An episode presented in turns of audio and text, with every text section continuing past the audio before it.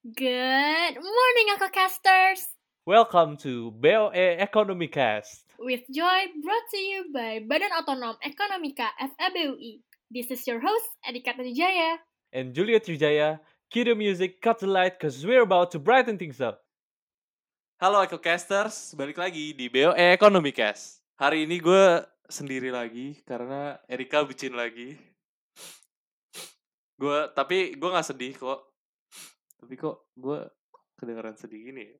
Ya nggak apa-apa. Tapi hari ini gue ditemenin sama dua orang nih. Yang pertama ada Miftah. Miftah ini pengurus inti dari BOE dan juga Josh, yaitu seorang mahasiswa psikologi. Halo kak. Eh, eh, bang. Eh, eh, kok kak sih? Ini gue udah lama nggak ketemu orang, jadinya jadi awkward gini nih. Halo Jul. Halo. Halo Josh. Jadi EcoCasters, alasan kenapa gue ngundang mereka berdua adalah karena mereka ini the masters of awkwardness. Oke. Sedih sih. Enggak. Sorry banget, sorry banget. Justru itu, Pak. Justru itu. Enggak, enggak biar apa-apa, makin apa-apa. aneh itu kan. Ini what you paid for aja. Sangat awkward ya percakapan ini ya. Iya, Nah, sangat kena- Eh, sorry banget ya. Mungkin emang kita gak cocok buat jadi guest podcast di sini.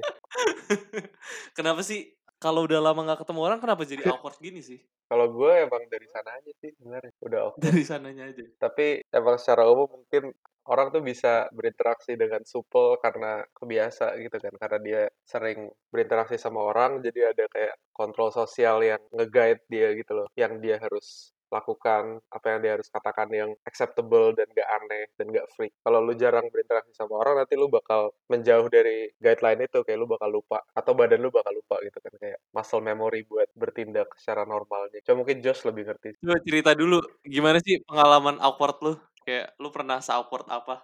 gue nggak terlalu kepikiran contoh spesifik sih cuma satu hal yang gue udah nyadar tentang gue itu gini kalau lu baru kenal orang baru kan lu harus berusaha buat kayak meraba-raba gitu kan kayak gimana cara apa omongannya nyam sama orang ini apa bercandaan yang lucu gitu. Dan salah satu hal buat ice breaking tuh pasti bercanda gitu. Tapi Iya. gue itu nggak punya kayak biasanya kan lu bakal maksain ketawa gak sih kalau lu baru kenal orang baru abis Iya. dia bercanda terus kayak hahaha biar nggak biar biar biar nggak awkward justru gitu kan Heeh. Nah, gue tuh nggak nggak kayak gitu. Jadi gue nggak pernah kepikiran atau gue nggak pernah punya insting buat pas lagi sama kelompok teman baru, terus mereka lagi bercanda-bercanda, buat gue ikutan ketawa gitu. Jadi gue bakal Iya, diem aja, gue bakal diem aja dan kayak ngeliatin aja gitu. Gue pas kenal sama lu, Mif. Ah, iya. Gue kayak tiga bulan pertama kenal sama lu.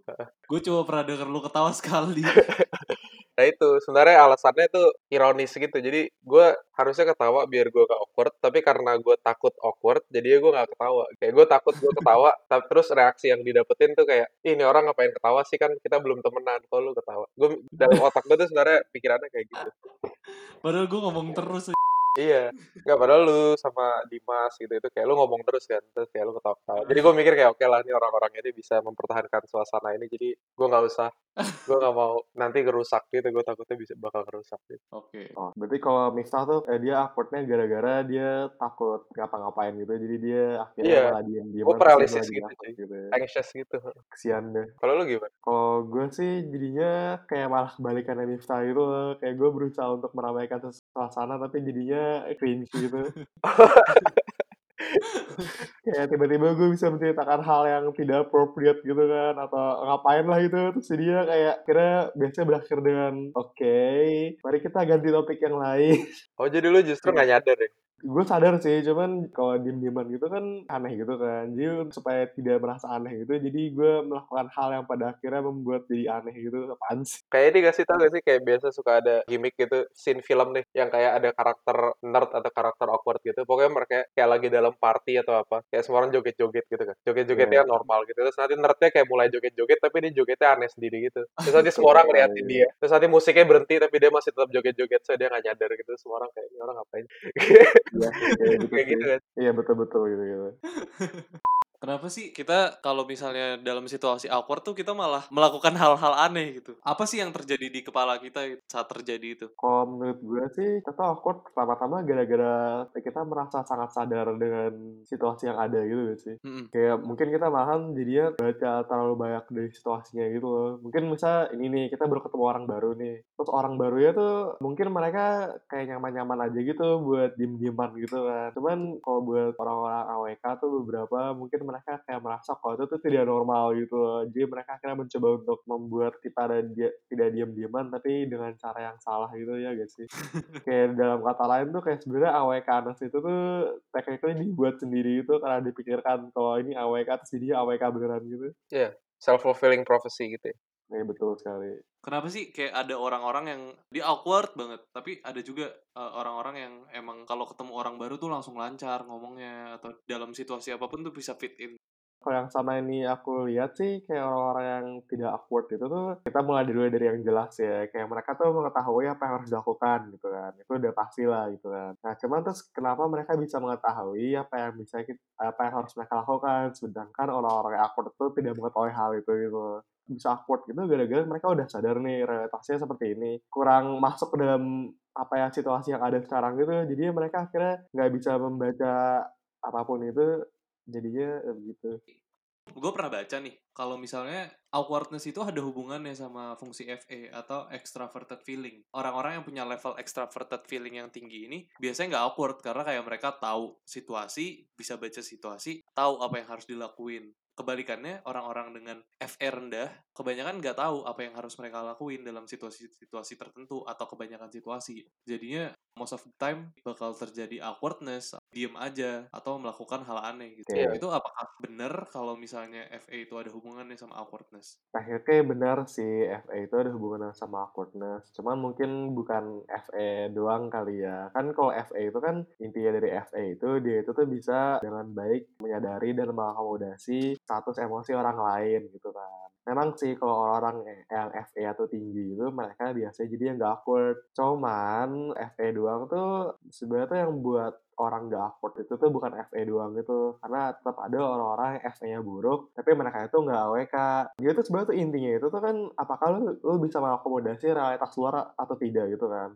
Kalau FA itu tuh realitas itu realitas soal perasaan orang lain sedangkan kalau SA extroverted sensing basically intinya tuh orang-orang extrovert mungkin nggak social awkward gitu Jadi kayak SE tuh lebih berdampak.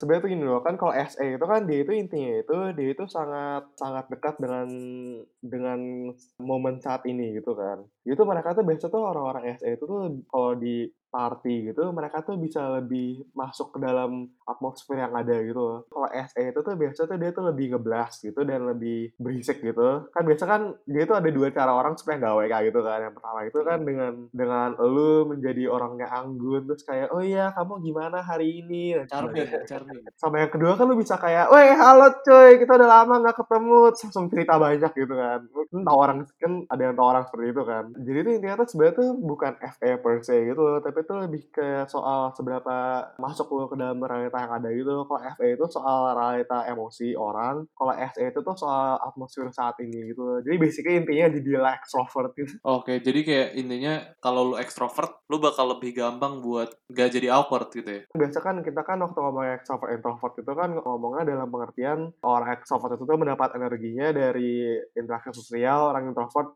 tidak mendapatkan energinya dari interaksi sosial gitu kan. Nah mungkin tuh kalau di sini tuh extrovert introvert itu jadi tuh diperluas itu definisinya lebih soal berpikir ke dalam atau berpikir keluar gitu. Berpikir ke dalam itu maksudnya mereka itu tuh contohnya kayak Miftah gitu yang sering berkontemplasi dan sebagainya. Kalau extrovert itu tuh mungkin mereka itu tuh jadinya tuh gara-gara mereka berpikir keluar jadi tuh mereka tuh lebih suka mengendus-endus informasi dari luar. Gue mau nambahin soal yang FE tadi itu. FE dan SE. Iya. Maksudnya gue gak ngerti psikologi, tapi dari yang gue coba ekstrapolit dari berdasarkan yang lu jelasin aja. Jadi kalau dari pengalaman gue tuh emang gue dari kecil ngerasa ada orang yang bisa berinteraksi kayak bisa bersosialisasi dengan dengan supel gitu. Dari sananya sama ada yang enggak gitu. Coba pas masih kecil, jadi ini teori kayak gue kembangin sendiri berdasarkan evidence yang gue lihat tapi banyak kesalahan-kesalahan yang gue benerin gitu kan. Kayak waktu masih kecil itu gue pernah mikir gini jadi tuh orang tuh ada dua macem gitu. Ada orang yang yang gaul sama yang gak gaul Ini kayak waktu masih SD, SD kelas 1, kelas 2 gitu.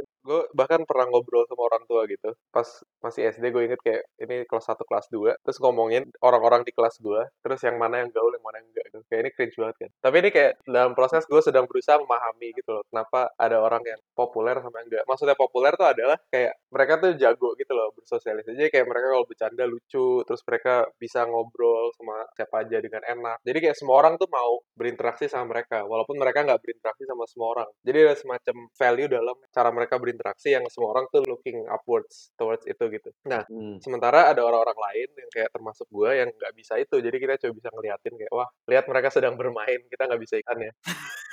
kita nggak bisa ikutan, soalnya kita nggak bisa kayak mereka gitu. Nah, jadi gue kayak mengkategorisasi gitu dari kecil. Terus gue mikir kalau ini tuh ada kayak some kind of innate ability to do this. Nah, cuma kan semakin gue menjadi besar kayak gue figure out kalau oke sebenarnya ternyata nggak sesimpel itu. Maksudnya ternyata gue benar bahwa orang yang gaul yang populer the popular kids the cool kids itu pasti orang-orang yang FA tinggi gitu kan. Karena untuk lu bisa berinteraksi dalam peer group mereka dalam kelompok mereka itu standarnya lebih tinggi gitu cuy. Kayak kalau lu aneh lu langsung ditendang gitu kayak langsung di langsung dikeluarin.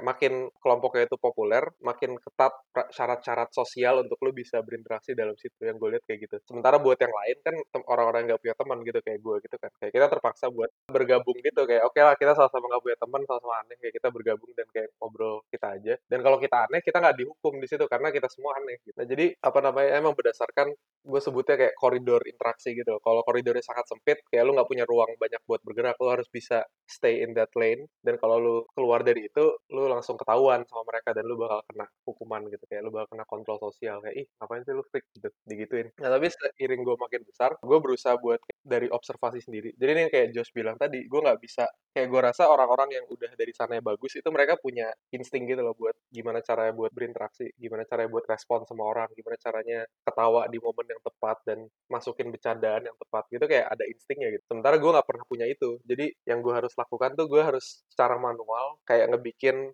semacam flowchart gitu kayak kayak kayak gue berdasarkan empirical evidence itu berdasarkan apa pengalaman gue sendiri oke kalau misalnya lagi kayak gini ini saatnya buat ketawa oh ini saatnya buat ngomong ini saatnya buat bercanda. Tapi gue sa sangat sadar gitu dalam otak gue kan tadi kalau misalnya SE SE kayak gue nggak tahu itu maksudnya gimana. Cuma tadi kan Josh describe-nya kayak in the moment gitu kan kayak lu bisa langsung respond dan interact secara natural gitu Miftah tuh sebenarnya dia AWK-nya bukan gara-gara FE dia rendah doang gitu. Dia SE-nya juga rendah terus TE-nya bukan yang utama gitu. Kayak bahkan tuh orang TE gitu tuh mereka nggak AWK gitu gak sih karena mereka pakai palu dan menghajar semua lingkungan sosial yang ada gitu.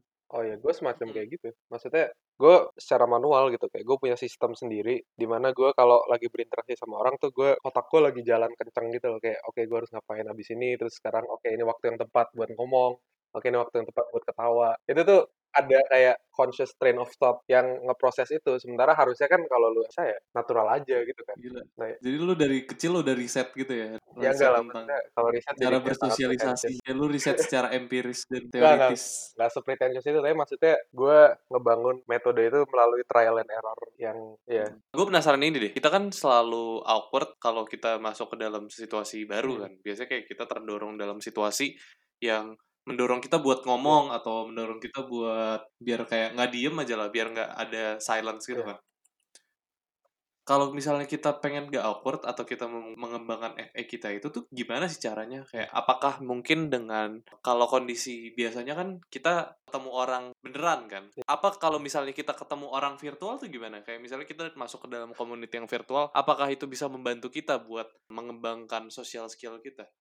Kalau dalam pengalaman gue sebenarnya lebih sebenarnya bisa juga sih soalnya kalau asal lo berinteraksi sama orang jadi lo punya kesadaran bahwa ini tuh ada stakes dalam interaksi ini gitu. Kalau misalnya lo aneh lo bakal mereka bakal nyadar terus lo bakal jaga aneh gitu kan. Cuma gue menemukan bahwa yang lebih susah dalam interaksi online ini itu lebih bisa buat lo nangkep cues-nya gitu loh social cues. Kayak kapan waktu yang tepat buat ngelakuin apa pun. Itu tuh banyak yang sangat sangat subtle gitu kan kayak lo harus merhatiin body language, lo harus merhatiin intonasi dan gimana orang nyampein sesuatu. Jadinya gue nemuin lebih saja. Jadi gue sekarang kalau gue teleponan rapat atau apa lewat lewat online gitu tuh lebih lebih lebih exhausting. Lebih awkward lagi. Iya enggak, lebih exhausting buat gue. Soalnya kayak gue jadi harus fokus terus gitu loh buat bisa nangkap semua nuansa-nuansa percakapannya gitu. Kalau nggak nanti gue bakal ngelos kayak tiba-tiba orang udah apa, terus gue nggak tahu lagi gimana cara masuk dalam situ. Soalnya gue udah merasa out of the loop aja dan gue nggak punya cukup informasi buat bisa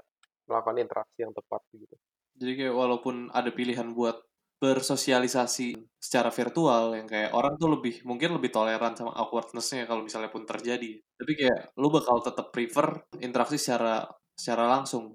Iya bisa jadi. Sebenarnya kalau secara fisik ya gue serem juga sih dulu sebenarnya. Apalagi kalau sama, sama orang baru gitu. Kalau sama orang yang gue gak kenal tuh gue bakal gue bakal kayak diem. Tapi kayak lu bakal lebih merasa lebih nyaman buat interaksi eh, secara fisik. Maksudnya kalau sama orang baru ya.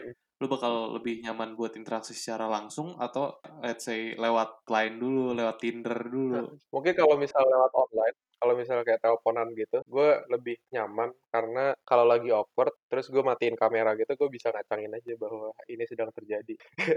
kayak gue bisa, Jadi lu bisa menghindari iya gue bisa ya. disengage gitu kayak oke gue menghindar dari denial dong. Itu denial ya, bener sih. Lu gimana sih? Gue sih lebih nyaman via online gitu sih. Bisa kalau via online kan kita kan nggak harus mengatur ekspresi muka kita harus seperti apa begitu kan. Sedangkan kalau ketemu langsung kan kita harus memastikan kalau nggak tahu sih gue harus memastikan kalau mungkin muka gue tidak aneh ekspresinya atau seperti apa. Sedangkan kalau online kayak peduli setan gitu. Jadinya sih ya, lebih enak online sih. Cuman nggak video call berarti. Kalau bisa kalau video call awkward gitu gak sih? Kayak muka aku lebih- terlihat gitu. Oke, jadi lu kayak nggak nyaman untuk men- menunjukkan ekspresi lu gitu lah. Iya. Terus gimana sih? Ini pertanyaan kuncinya nih buat EcoCasters yang awkward. Gimana sih caranya biar nggak awkward? Lu kan dulu eh, dari cerita yang gue denger, lu berdua dulunya lebih awkward dari sekarang kan. Kayak sekarang udah berkurang banget. Gimana sih caranya buat ngurangin awkwardness at least? kita harus banyak-banyak ketemu orang gitu gak sih jadi kita bisa biar lebih terbiasa ketemu orang gitu Tapi mungkin gak sih kayak malah nimbulin trauma gitu kayak misalnya lu oh. Eh, ketemu orang baru terus lu awkward nih jadi karena lu awkward dalam orang baru ini lu jadi takut gitu buat ketemu orang baru lagi. eh, sebenarnya mungkin ketemu orang baru itu jangan langsung ke bar dan kenalan orang atau random gitu sih. Mungkin bisa minta minta temen yang sudah dimiliki buat kenalin ke teman yang lain gitu. Jadi maksudnya dalam lingkungan yang lebih terkontrol gitu. Oh, oke. Jadi kayak ada pendorongnya gitu lah ya. Ya, terus kan jadi kan ketemunya jadi kayak kayak exposure-nya pelan-pelan gitu, jangan langsung 10 orang. Kayak kita ketemu dulu satu orang dulu sambil ditemenin sama teman kita yang emang udah kita kenal gitu. Jadi ya misal kalau kita mulai agak-agak kehilangan arah bisa dibantuin sama teman kita gitu. Kalau lu gimana, Mif? Kayak gimana sih caranya buat keluar Hmm. dari awkwardness? Gue merasa gue belum keluar ya sebenarnya. Karena gue belum punya Hmm, tapi kayak berkurang. gue belum punya FA sebagaimana orang punya FA gitu kan yang bisa peka sama social cues dan selalu bisa apa namanya do the right things gitu. Kayak gue rasa yang gue lakukan tuh semacam rasanya kayak apa ya kayak lu pernah lihat ini gak sih kayak AI yang kayak disuruh belajar ngelakuin sesuatu tapi dia sebenarnya nggak ngerti apa yang dia lakuin gitu ngerti gak sih? Iya. kayak misal Google Translate nih kadang bikin kayak banyak mistakes gitu kan kayak kadang ada grammar mistakesnya.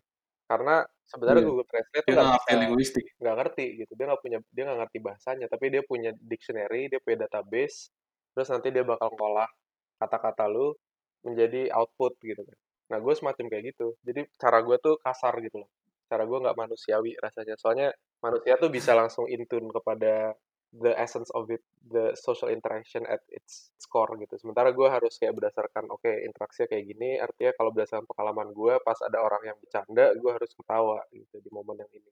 Jadi kayak itu kayak Google Translate rasanya dan juga kayak Google Translate bakal banyak kesalahan-kesalahan. Mungkin buat lebih natural ya bener sih kata Jus kalau harus emang dilatih secara organik. Cuma gini loh yang gue nggak suka itu yang gue paling gak suka tuh kayak social pressure di mana kita tuh diharapkan untuk bisa berinteraksi karena orang-orang belum tahu kalau kita freak gitu kalau kita aneh kalau kita awkward. Misalnya gini salah satu hal yang gue paling benci dalam bersosialisasi dalam apa pun tuh kayak momen-momen ice breaking atau momen-momen apa di mana lu harus ngelakuin sesuatu yang aneh gitu tau gak sih? Misalnya lu apa ya namanya makrab organisasi gitu misalnya. Terus nanti ada momen di mana oke siapa yang kalah game joget-joget di depan. Oh, gue gue gak suka Iya. banget gue takut banget kayak gitu karena gue tahu ini kayak gue jadi merasa terekspos gitu loh kayak gue harus melakukan hal yang sengaja aneh terus orang-orang bakal Bukan. ketawain gue karena gue aneh tapi kalau orang yang udah ngerti itu mereka bisa nyaman dengan itu kan karena mereka tahu kayak oh ini gak serius dan orang-orang tahu kalau gue sebenarnya ya orang-orang nggak punya ekspektasi setinggi itu terhadap gue dan gue bisa apa namanya ngelakuin aja terus nanti kita ketawa-ketawa terus nggak ada yang bakal ingat Iya. gue nggak kayak gitu Kalau orang lagi ice breaking nggak aneh malah jadi aneh. iya jadi iya malu-malu malu-malu aneh. kayak gue kalau dulu nih pas masih kecil kayak kalau pas ada momen kayak gitu gue gue bakal nggak mau gue kayak nggak mau benar-benar nggak mau sampai nangis bisa sampai nangis kayak gue dipaksa kayak ayo dong terus gue kayak nggak mau nggak mau gue malah sampai maksa banget soalnya kalau gue ngelakuin kayak gue takut gue takut dijudge gitu padahal Takut dilihat iya. aneh. Padahal malah jadi aneh. Iya. Jadi kayak sekarang juga bahkan setelah gue udah tahu secara rasional kalau oke sebenarnya orang-orang tuh gak punya ekspektasi setinggi itu dan itu ini tuh nggak aneh-aneh amat dan gak ada yang bakal ingat juga bla bla bla. Setelah gue udah tahu itu pun secara rasional masih perasaan gue tuh takut gitu. Masih ada rasa anxious dan rasa takut. Jadi Iya. mungkin emang harus dipaksain cuma ya kan gue nggak suka gitu kan. Buat ngelakuin itu. Mungkin lu kayak beruntung aja buat masuk ke dalam situasi-situasi yang memaksa lo buat bersosialisasi. Iya sih. Mungkin yang bikin gue sadar kalau itu tuh nggak apa-apa tuh kayak ya suatu kali gue melakukan itu terus kayak oh ternyata nggak apa-apa ding gitu. Ternyata gue nggak langsung dikucilkan seumur hidup gitu. Dari yang tadi kita bahas nih kayak yang dari tadi Josh bilang sama pengalaman Miftah itu kita kayak bisa lihat kalau awkwardness itu datangnya dari faktor dalam. Mungkin gak sih kalau awkwardness itu datangnya dari ekspektasi-ekspektasi sosial yang mungkin aja bisa jadi melimitasi sosialisasi kita. Society itu menuntut orang untuk menjadi kayak gimana terus orang-orang yang gak memenuhi tuntutan itu malah dianggap aneh dan awkward. Kan awkward itu kan sesuatu yang kita rasakan gitu kan. Jadi bukan Mhm. dari bukan dari judgement orang lain doang gitu kalau kita awkward gitu. Cuman iya sih awkwardness itu sebagian juga terjadi gara-gara ekspektasi sosial yang ada gitu. Karena bisa aja kita awkward di lingkungan yang satu tapi kita nggak merasa awkward di lingkungan yang lain. Maksudnya perilaku kita yang kita lakukan itu sama gitu. Kayak misalnya mungkin dari Cita Miftah kalau dia sama orang-orang yang populer gitu mungkin dia merasa awkward gitu. Cuman dia kalau bersama orang-orang yang tanda kutip sama-sama aneh gitu kan meskipun perilakunya sama tapi dia tidak merasa cringy dan aneh dan ingin bundir gitu kan jadi kalau orang-orang aneh kalau dikumpulin bakal jadi nggak awkward ya setidaknya mereka jadinya tidak merasa awkward gitu sih atau setidaknya nggak merasa oh, awkward tapi kalau bukan mereka sama orang bukan lain nggak gitu awkward tapi kayak nggak merasa awkward ya cuman kan bukannya intinya gitu ya kayak oh, awkwardness itu iya. kan awkward tuh cuma rasa aja ya. Iya, karena karena basically bukannya kita tuh merasa awkward sebagian gara-gara kita terlalu mikir banyak gitu, jadi akhirnya kita bingung kita mau ngapain, jadi kita malah akhirnya melakukan hal yang aneh gitu ya. Kan kalau kata dia Mista bilang kan, kalau misalnya dia ice breaking itu dia nggak usah mikir panjang-panjang terus langsung lakukan aja kan, jadi nggak awkward gitu, justru malah gara- gara-gara dia mikir terlalu panjang, jadi dia malah jadinya AWK gitu. Ya Iya. nggak sih? Iya benar benar. Lama loh. Gue gue bakal jangan nolak-nolak terus anxious. semua orang kayak ayo dong, ayo dong terus kayak enggak enggak terus itu kayak 5 menit, 10 menit. Terus kayak udah udah fuck banget gitu kan. Iya, coba kalau Mista langsung kayak in the moment gitu Iya. kan. Kayak, oh ya, langsung lah cuy, kita Iya. melakukan hal aneh rame-rame. Malah di dia kan kayak hore gitu kan. Iya. Ya, gue mau nambahin. Ini kayak gue tiba-tiba kepikiran sesuatu dan apa disclaimer gue bukan ahli dalam apa pun tapi kayak ini imajinasi gue aja. Katanya pertanyaannya soal kenapa sih kita punya ekspektasi sosial yang membuat ada orang awkward gitu kan. Karena itu sebenarnya karena istilahnya tadi kalau koridor interaksi sosial tuh sangat ketat gitu kan atau sangat sempit. Jadinya kita terpaksa buat sadar sama batasan-batasan ini dan selalu mengikuti apa alur yang udah established gitu sebagai interaksi sosial yang normal. Nah, mungkin itu hubungannya sama kayak artinya kenapa manusia itu harus punya peraturan-peraturan sosial yang sangat ketat gitu kan? Kenapa kita kayak gini? Dan kayaknya gue mikir itu ada bagiannya karena kita monyet juga. Jadi gue pernah baca gue lupa di mana kayak di Sapiens kalau lihat monyet-monyet yang jauh dari manusia yang kayak gorila gitu dominan hierarkinya tuh berdasarkan strength gitu kan? Berdasarkan kayak siapa yang paling kuat siapa yang paling nanti mereka berantem terus yang menang berantemnya itu yang jadi pemimpin sukunya gitu. Nah tapi kalau lihat Iya. simpanse kalau nggak salah itu nggak kayak gitu. Jadi mereka itu siapa orang yang paling berkuasa di situ yang punya paling banyak power itu yang paling baik yang kayak baik sama orang lain. Terus kayak dia bakal kayak ngebantuin nyopot-nyopotin kutu buat monyet yang lain gitu loh. Ngerti gak sih? Jadi Oke. itu tuh jadi kayak itu tuh FE gitu kan. Itu tuh dia sadar oh orang ini kutunya mau diambilin gue ambil deh kutunya biar nanti dia baik sama gue terus dengan itu dia mengakumulasi social capital gitu. Dia jadi orang yang populer dia jadi orang yang gaul. Bukan orang dia jadi monyet yang gaul. Nah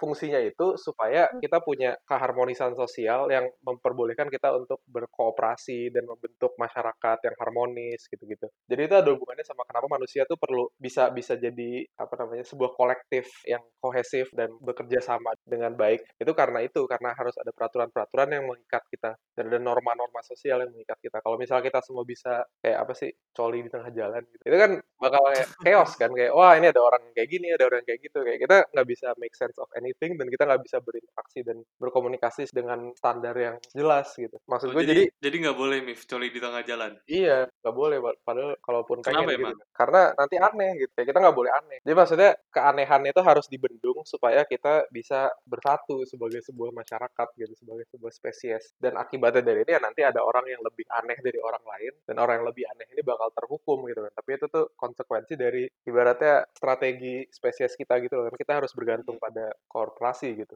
Tapi ini ini dong kayak di episode kemarin kita ngomongin ini orang-orang aneh ini malah nggak jadi di embrace. Jadi kayak kegilaan-kegilaan nggak di embrace itu malah bisa jadi jadi salah satu mungkin bisa dibilang kemunduran dalam society kita gitu.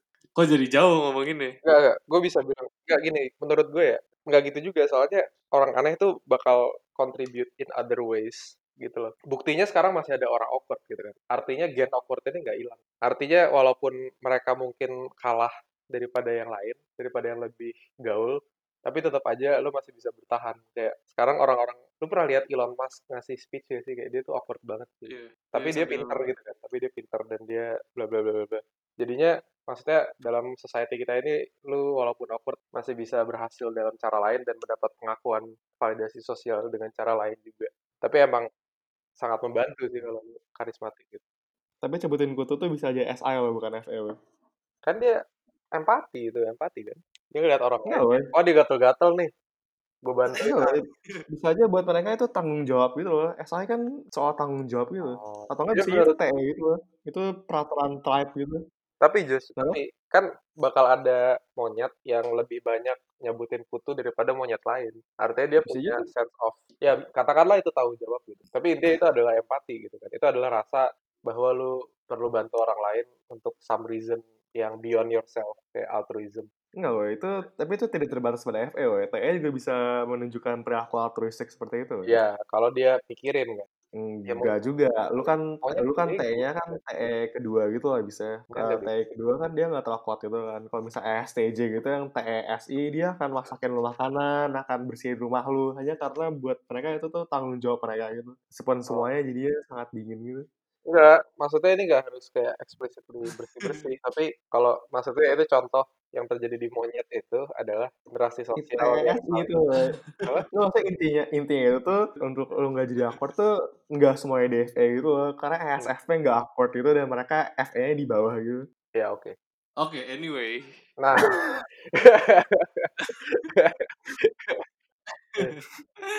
Oke, anyway, setelah perdebatan yang hangat tentang monyet ini, intinya kalau kita nggak mau jadi awkward, ya nggak ada highway buat nggak jadi awkward gitu. Kita harus nyoba, kita harus ketemu orang, kita harus bersosialisasi sama orang-orang baru.